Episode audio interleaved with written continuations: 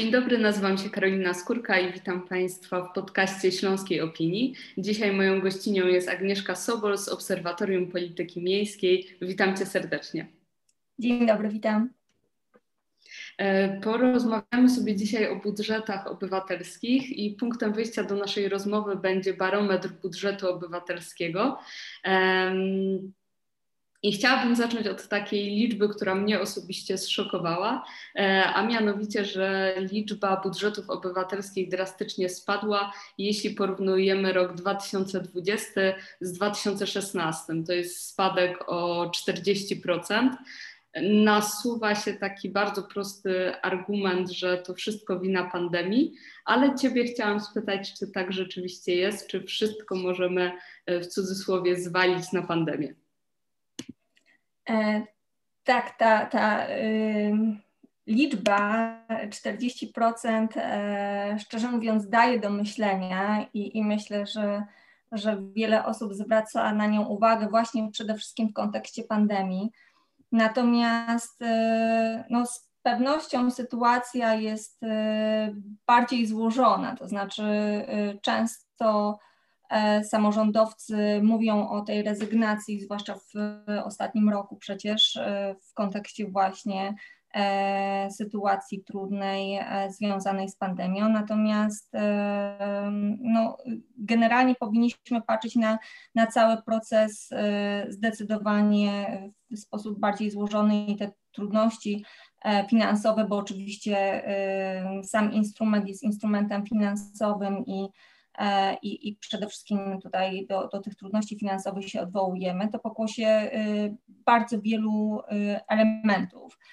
E, po pierwsze, to jest y, rok wyjątkowy pod wieloma względami, czyli rok 2020, który właściwie był w ramach barometru e, analizowany. Więc y, tutaj się złożyły elementy związane ze zmianą w finansach publicznych e, w 2019 roku. Oczywiście też e, kwestie związane z różnymi e, z wzrostami kosztów i w ramach gospodarki odpadami i podwyżki w oświacie. E, ubytek z dochodów e, z PIT e, i CIT, ubytek z wpływów ze sprzedaży biletów komunikacji publicznej, to już jakby bezpośredni element związany z pandemią, z, też z wpływów z różnych usług publicznych typu baseny, zoo, przedszkola i tak dalej. E, mm, też kwestie bezpośrednio związane z tymi kosztami e, funkcjonowania związanymi z ochroną przeciwko e, pandemii.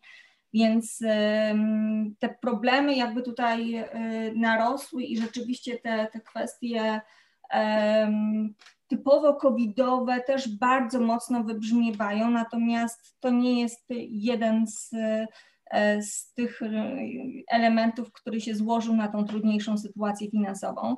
Zresztą, e, no powiedzmy sobie szczerze, że jeśli chodzi o tą sytuację finansową, to ona nie jest taka jednoznaczna we wszystkich samorządach, bo jak spojrzymy w ogóle sobie na dane, dane z 2020 roku, na dochody własne samorządów, to one co do zasady y, wzrosły y, o 7,1%.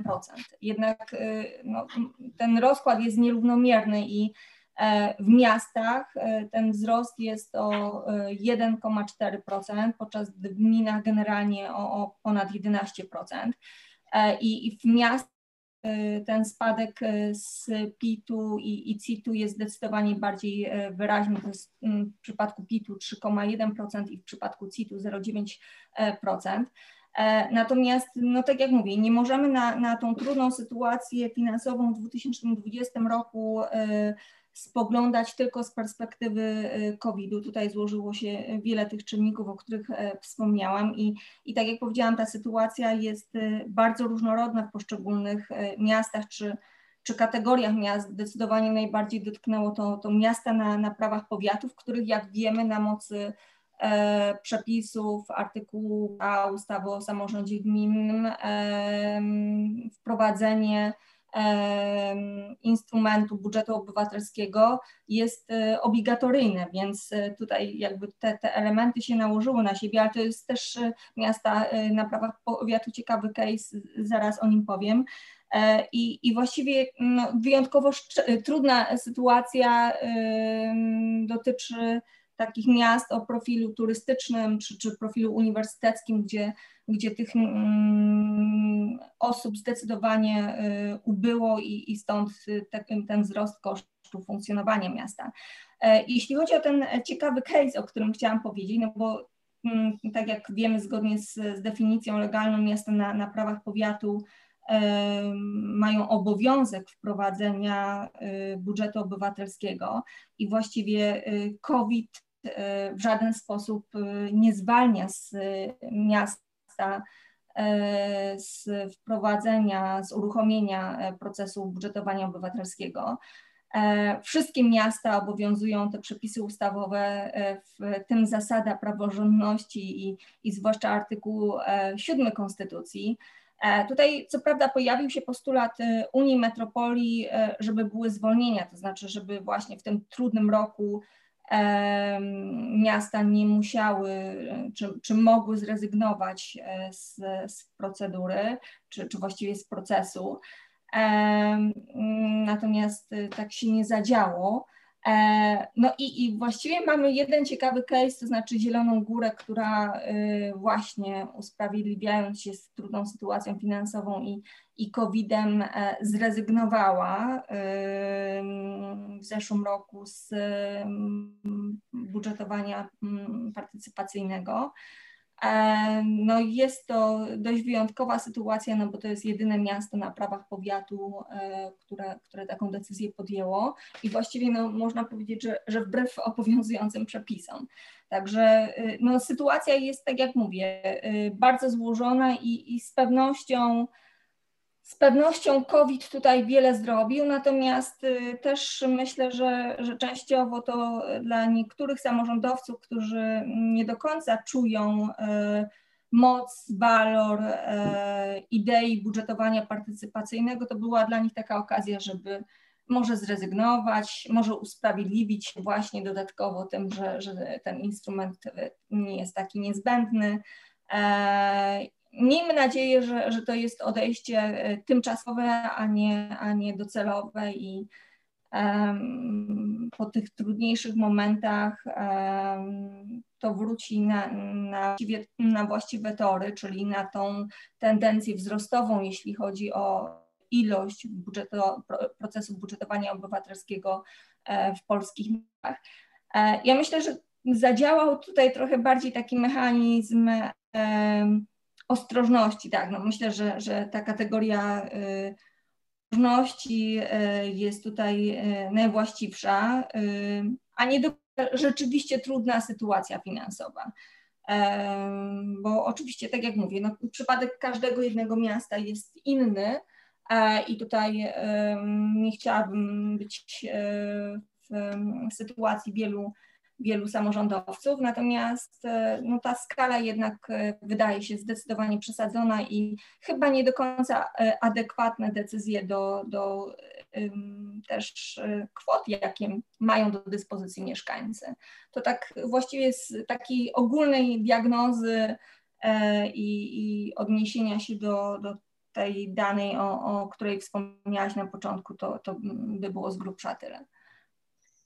E, właśnie o to chciałam Cię troszeczkę dopytać, czy to nie była trochę taka wymówka, żeby nie przechodzić całego tego procesu, bo e, to, o czym wspomniałeś, brzmi oczywiście bardzo racjonalnie. Nie ulega wątpliwości, że budżety e, miast były mocno okrojone ze względu na pandemię, ale przecież te inwestycje z budżetu obywatelskiego to jest tak naprawdę niewielki procent, a jeśli dobrze pamiętam z ustawy, to nawet pół procenta, e, pół procenta budżetu, e, więc oczywiście pieniędzy na inwestycje było mniej, ale niekoniecznie trzeba było obcinać właśnie te z budżetu obywatelskiego, no bo one stanowią tak, e, tak niewielki procent.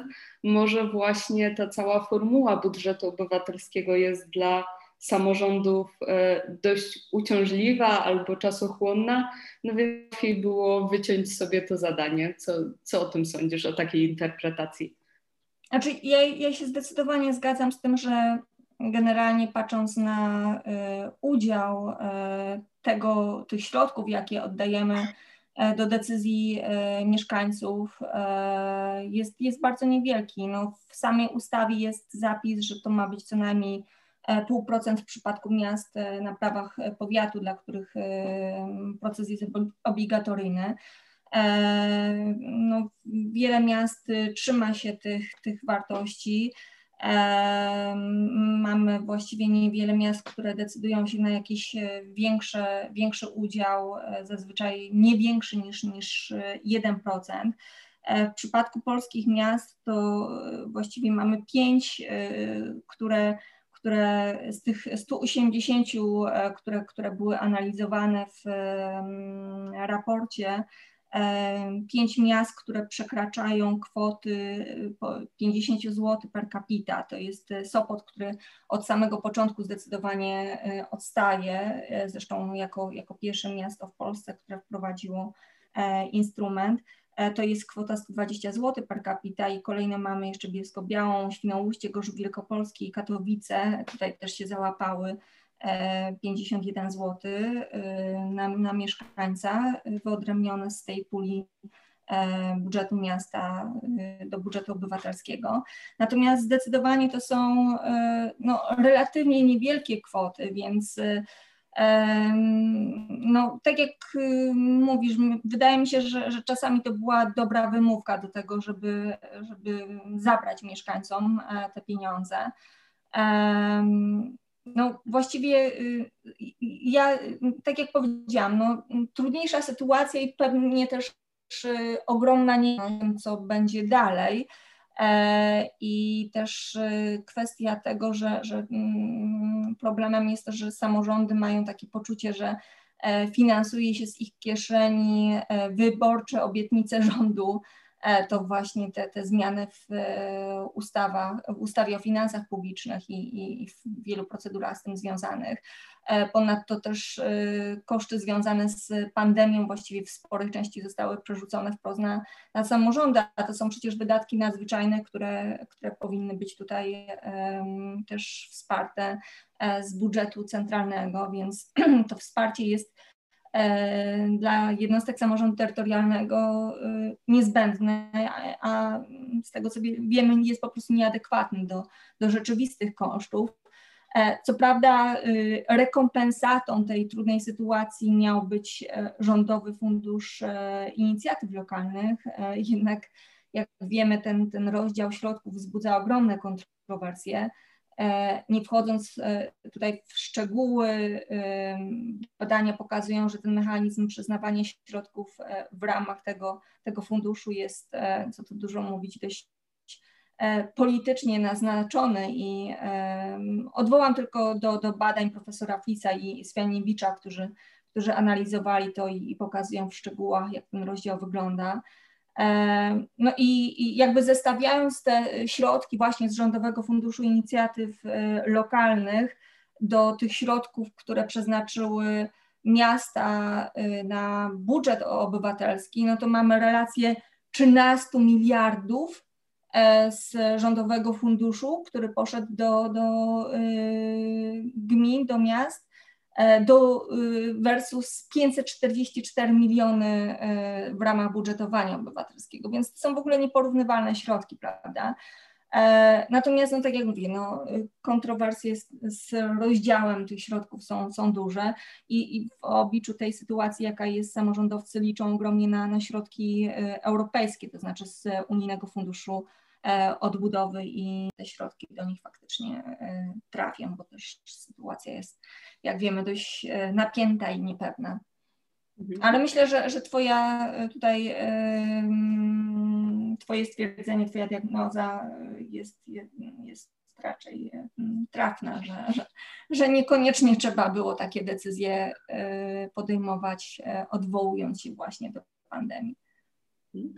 Chciałam Cię jeszcze podpytać o różnego rodzaju zarzuty w stosunku do budżetu obywatelskiego, bo mam wrażenie, że już minęła taka pierwsza fala, kiedy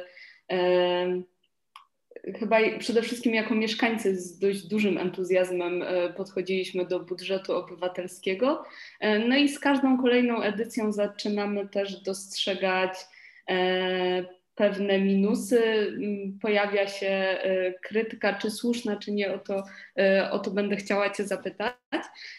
No i bardzo często pojawia się taki zarzut, że budżet obywatelski stał się takim narzędziem na tych, którzy są już aktywni czyli dla społeczników, e, dla organizacji pozarządowych, e, dla takich podmiotów, które już aktywnie biorą udział e, w życiu miasta i bardzo dobrze w tym budżecie obywatelskim się odnajdują. Na tyle dobrze, że taki zwykły mieszkaniec, który chciałby zgłosić projekt, no, tak naprawdę już na starcie wie, że nie ma szans, bo e, zderza się trochę z taką machiną już bardzo dobrze przetrenowanych ludzi, którzy doskonale wiedzą, jak e, pozyskać głosy. E, jestem bardzo ciekawa, jak ty to postrzegasz, czy to w ogóle jest e, minus budżetów obywatelskich, mm, a jeśli tak, to co można zrobić, żeby jednak e, ułatwić dostęp do budżetu obywatelskiego takim osobom, które E, no jeszcze sobie tej formuły na żywym organizmie nie przećwiczyły. Mhm.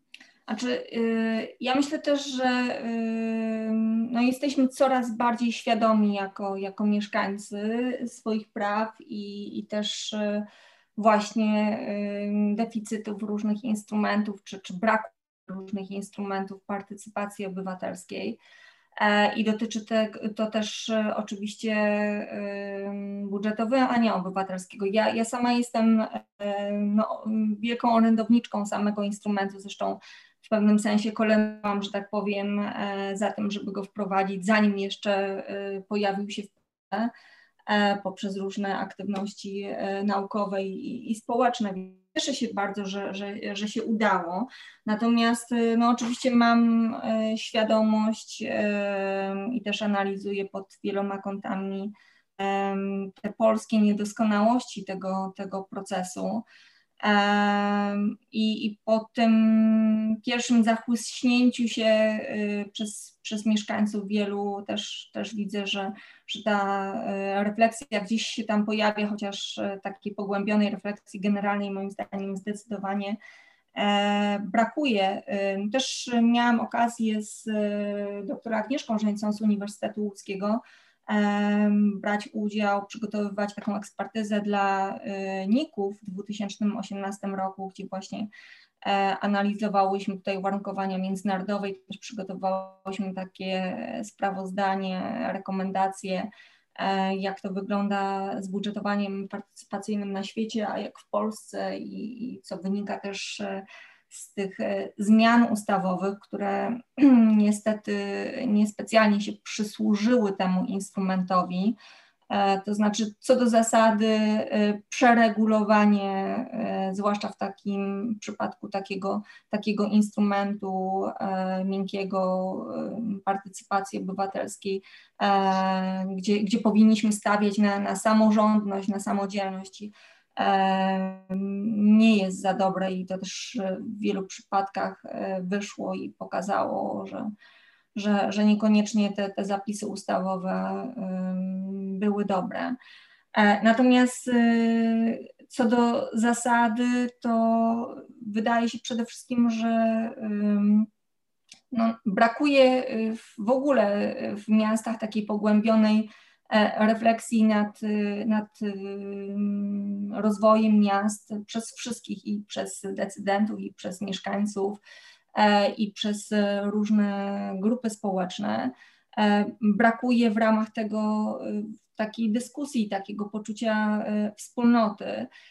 Za mało w ogóle to, na co zwróciłaś uwagę, że, że tutaj wiele grup lobuje ze swoimi projektami, no więc przede wszystkim e, nie wykorzystano tego, tego instrumentu jako takiego narzędzia integracji mieszkańców, jako mechanizmu do, do sieciowania, w tym też tych aktywnych mieszkańców, bo ja uważam, że, że akurat no dobrze, że mamy takich liderów lokalnych i, i mieszkańców, których, którzy E, cały czas gdzieś są tam aktywni w tej przestrzeni publicznej. Ja sama y, staram się od samego początku w Katowicach, od pierwszej edycji e, biorę aktywny udział e, w tym procesie i też nie chciałabym, żeby ktoś mm, myślał o takich osobach aktywnych, że, że oni już y, no, wykorzystali swoje, tak, i, i, mhm. i niech teraz jakby otworzą miejsce dla innych.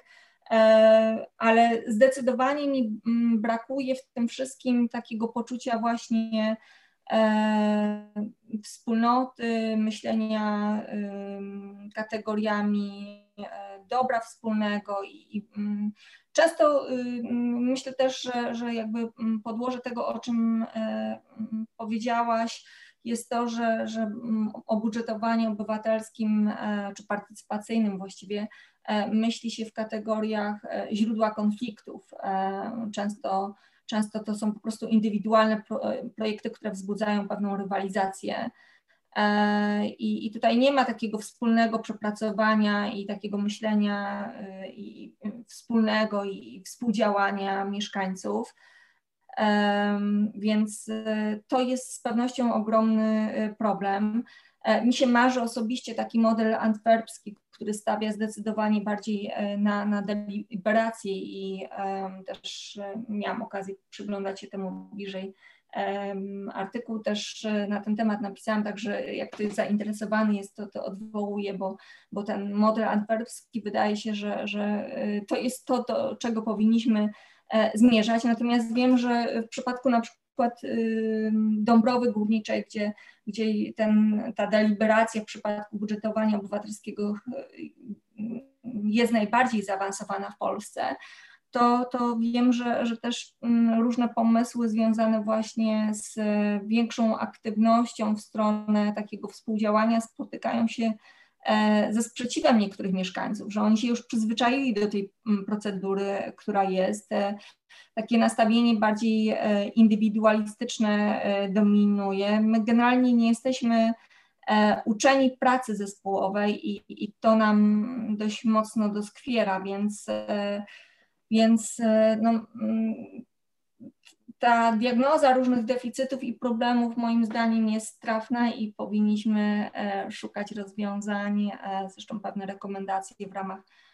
w ramach właśnie raportu e, dla, dla NIK-u dajemy, żeby, żeby tą sytuację zmienić i, i mm, pewnie też COVID jest taką okazją do tego, żeby, żeby może właśnie zmienić pewne kierunki rozwoju tego instrumentu. E, też e, to, co właśnie wypacza cały proces, to, to mm, taki dryf w stronę marketingu politycznego, że nie traktuje się tego narzędzia jako narzędzia, które faktycznie może zmieniać nasze samorządy, nasze miasta, tylko wpisana jest w to pewna kalkulacja polityczna i, i to pewnie też e, powoduje, że, że niestety od tego modelu antwerpskiego jesteśmy dość odlegli. E, dość popularna jest też opinia, że budżet obywatelski zupełnie inaczej wygląda w dużych miastach, a inaczej w małych. E, w dużych miastach często obserwujemy takie innowacyjne projekty, ja mam wrażenie, że trochę poszło to w kierunku na przykład zielonych projektów i trochę bardziej na tym się skupiamy, a obserwując budżety obywatelskie mniejszych miast, te projekty y, związane są na przykład e, z placami zabaw y, czy z oświetleniem albo parkingami takich E, takich jest najwięcej. Oczywiście tutaj, e, tutaj mocno uogólniam, ale właśnie e, Ciebie chciałam zapytać o to, czy E, podzielasz taką opinię, czy, e, czy to jest takie bardzo, spłaszcz, takie bardzo duże spłaszczenie e, tego obrazu? Czy rzeczywiście są takie duże różnice między budżetami obywatelskimi małych i dużych miast? Z pewnością te różnice są widoczne i myślę, że wynikają one z różnych elementów. Jedna kwestia to pula środków, jakie mają do dyspozycji mieszkańcy, czyli E, że tak powiem kolokwialnie, na ile mogą e, poszaleć z tymi e, projektami. Średnia wartość projektów, średni koszt projektów z budżetowania obywatelskiego w 2020 roku w Polsce to była kwota o 50 tysięcy złotych. Natomiast dla wielu małych miast to jest kwota absolutnie nie, nie do przejścia, więc to są często E, dość, e, że tak powiem, drobnicowe e, wartości i tutaj to też determinuje, na ile mogą pozwolić sobie mieszkańcy. Ale y, myślę też, że, że ogromne znaczenie ma, ma to, jakie są potrzeby takie absolutnie podstawowe, tak, widziane z perspektywy mieszkańców. Ja bym trochę nie oceniała tego w taki sposób, że że y, no, mają ograniczoną fantazję czy, czy mhm. ograniczoną e, świadomość e, różnych ciekawych projektów, z którymi e, mogą wystartować mieszkańcy mniejszych miast, tylko często po prostu brakuje elementarnych, elementarnej infrastruktury w tych ośrodkach. To jest jedno, ale oczywiście y, mieszkańcy większych miast są co do zasady lepiej wykształceni, mają większą świadomość. E, w kontekście tego, co powiedziałaś o, o projektach zielonych, to też jakby dostrzegają zdecydowane, zdecydowanie bardziej e, problemy związane z, e, z kwestiami zmian klimatu i problemami środowiskowymi co do zasady. Więc to ukierunkowanie na projekty zielone jest, jest w ich przypadku bardzo duże. E, zresztą e, są miasta, które przecież e, wyodrębniają w ramach budżetowania obywatelskiego jeszcze właśnie, jeszcze właśnie te zielone budżety obywatelskie. Więc, więc tak, no, no na pewno te różnice są. Co do zasady, w ogóle też jak, jak spojrzymy na tematycznie na, na projekty, jakie są zgłaszane, to e, w zeszłym e, roku można powiedzieć, że 70% e, projektów ma charakter taki bardziej outdoorowy, to znaczy postrzegamy, postrzegamy tą potrzebę wyjścia na zewnątrz, poprawę jakości przestrzeni publicznej, możliwość spędzenia czasu na zewnątrz, te, te właśnie projekty y, ogólnodostępne, zewnętrzne tutaj zdecydowanie e, dominują e, kwestie terenów zieleni, rekreacji, e, mebli miejskich, różnych urządzeń sportowych. To jest to, czego, czego domagają się mieszkańcy w swoich projektach. Natomiast też wydaje się, że, że bardzo ważne jest to, żeby myśleć myśląc na przykład o tym wyodrębnianiu e, budżetów e, zielonych, przede wszystkim powiązać budżetowanie obywatelskie ze strategią miasta, która jeżeli, e, a właściwie tak powinno być, wypracowywana jest partycypacyjnie, no to z jednej strony właśnie też zapewni taką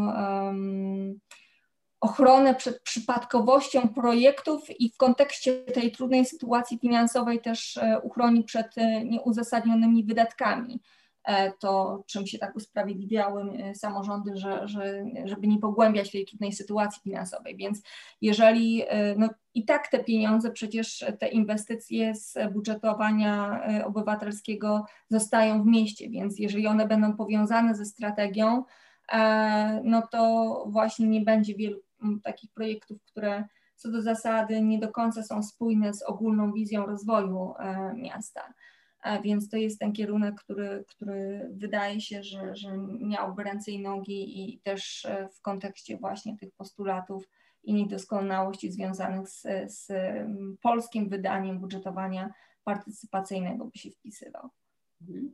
Jednym z takich ostatnich budżetów obywatelskich, e, czyli takich, które właśnie zostały ogłoszone wyniki, to budżet obywatelski w Jastrzębiu i tam właśnie wygrało bardzo wiele projektów związanych z oświetleniem, czyli powiedzmy sobie, że taki dość, dość podstawowy projekt i taki, który bardzo często w budżetach obywatelskich się powtarza. Jaką wskazówkę dałabyś samorządowcom z Jastrzębia, żeby właśnie te projekty były bardziej różnorodne, może właśnie e, bardziej zielone. Co konkretnie mogliby zrobić, żeby mm, rozruszać trochę mieszkańców? Mhm.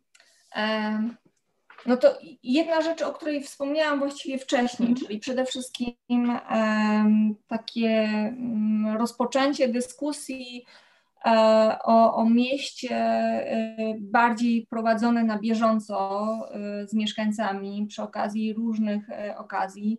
Teraz co prawda zawsze można się usprawiedliwić tym, że, że okazji do spotkań i jakichś warsztatów, konsultacji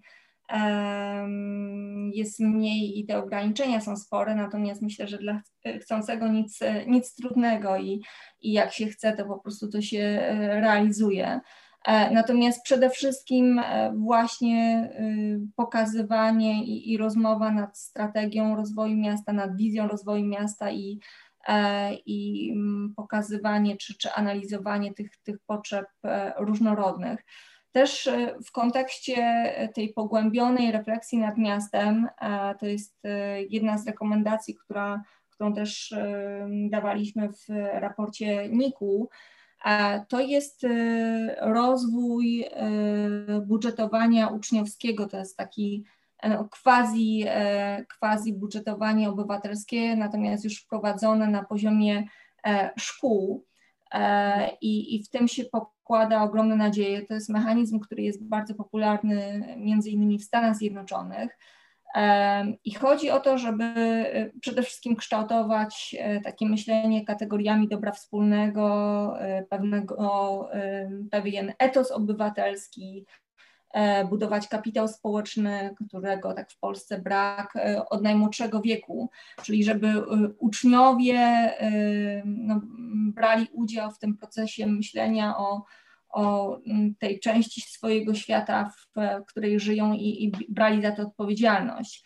E, więc e, no, brakuje zdecydowanie u nas takiej pracy zespołowej i, i takiego myślenia właśnie e, o potrzebach wspólnych, a nie potrzebach indywidualnych. Więc jeżeli będę e, myślała o mieście jako całości, a nie tylko o swojej ulicy, o swoim kawałku podwórka, o swoim oświetleniu, o, o, o swoim placu zabaw w pobliżu miejsca zamieszkania, tylko o potrzebach całego miasta, bo wiadomo też, e, budżet obywatelski e, jest, tak jak podkreślaliśmy, instrumentem finansowym i ten i wykrojonym kawałkiem tortu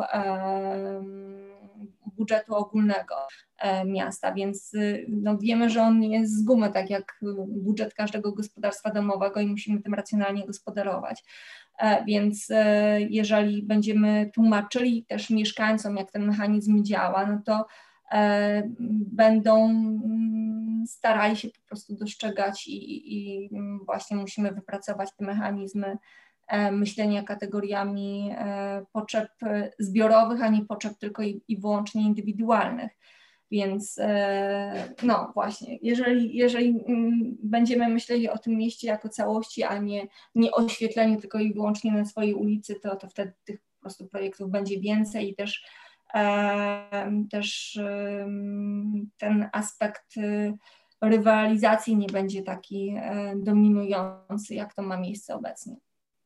Mhm. E, w kontekście tego, co powiedziałaś, czyli edukacji już na takim e, dość wczesnym poziomie, e, chciałam Ci zadać ostatnie pytanie dotyczące właśnie granicy wieku. W niektórych miastach jest głosować można od 18, w innych od 13 roku życia, a jeszcze w innych w ogóle nie ma tej granicy wieku.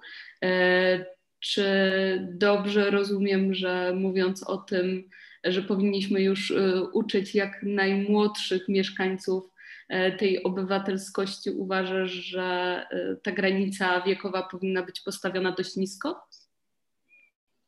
Znaczy, moim zdaniem e, tak jak powiedziałam, przeregulowanie w przypadku tego e, instrumentu absolutnie nie służy i też te ograniczenia wiekowe moim zdaniem e, nie służą. E, powinniśmy wykorzystywać to narzędzie do tego, żeby rozmawiać nawet z najmłodszym pokoleniem, z dziećmi o tym, jakby chcieli widzieć świat wokół siebie i tutaj można w te projekty również angażować dzieci, więc E, moja rekomendacja jest taka, żeby, żeby tych e, granic e, nie było i tych ograniczeń. No, właściwie coraz więcej miast odchodzi od tych ograniczeń. Swego czasu, zresztą jak, jak byłam na dyskusji w delegaturze NIK-u, ktoś powiedział, że, że 16 lat to jest granica rozsądku, więc e, od tego wieku powinno się e, dopuszczać właśnie mieszkańców do, do składania projektów i do głosowania.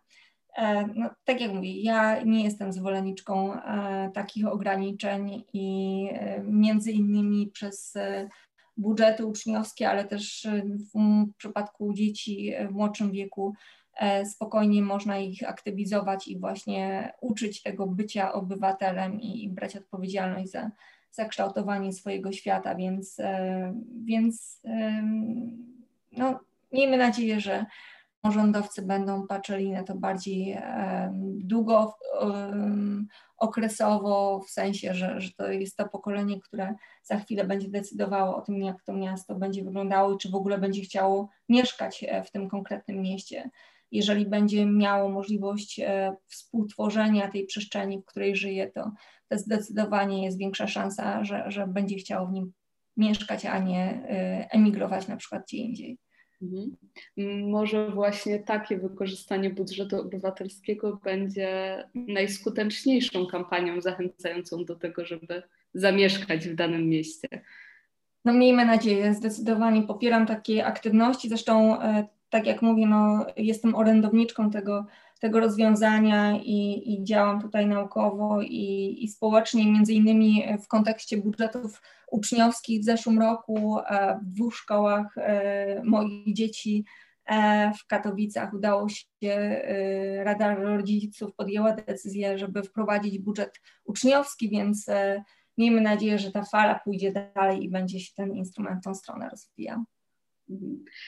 Mam nadzieję, że ta rozmowa Państwa zainspirowała i może w jakiejś kolejnej szkole powstanie właśnie taki budżet uczniowski.